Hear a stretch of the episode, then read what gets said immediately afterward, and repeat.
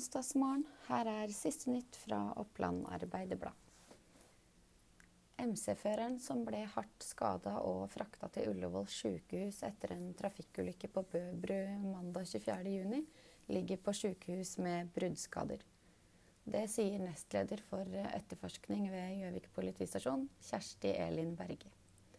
Den skadde motorsyklisten, en mann i 50-åra, skal ha forsøkt å svinge unna en elg truffet elgen og krasja inn i en bil. Ordfører i Østre Toten, Guri Bråten, er denne uka med hjemmesykepleien ute på jobb. Bråten er utdanna sykepleier og sier til Oppland Arbeiderblad at hun trives like bra i sykepleieryrket som med å være ordfører. Les mer på oa.no. Landinga lot seg ikke stoppe av fylkespolitikerne. Nå blir det bioøkonomi på Dokka videregående skole likevel. Fylkeskommunen sa nei til å støtte faget økonomisk, men har nå gitt tillatelse til å fortsette prosjektet.